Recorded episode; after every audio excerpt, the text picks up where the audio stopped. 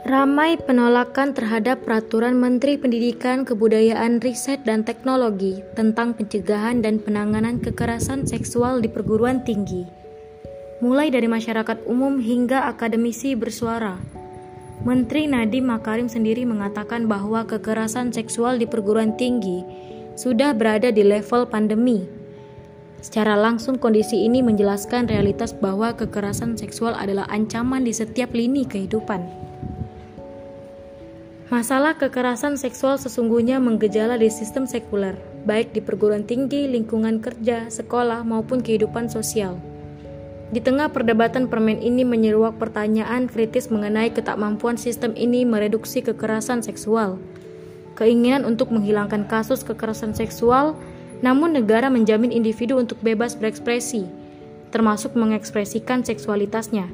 Meski sejumlah regulasi terbit, tetap saja kekerasan seksual terjadi.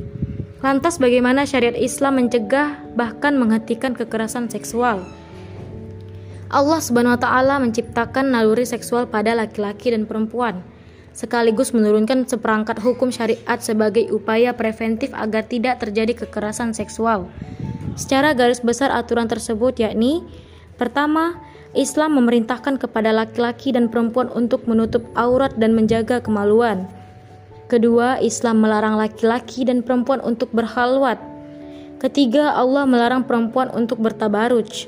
Keempat, negara mengontrol ketat seluruh tayangan maupun materi pemberitaan media. Kelima, dalam Islam pelakuan pelecehan seksual wajib mendapat hukuman karena kekerasan seksual semisal pemerkosaan dan kriminalitas sejenisnya dengan hukuman setimpal sesuai syariat Islam.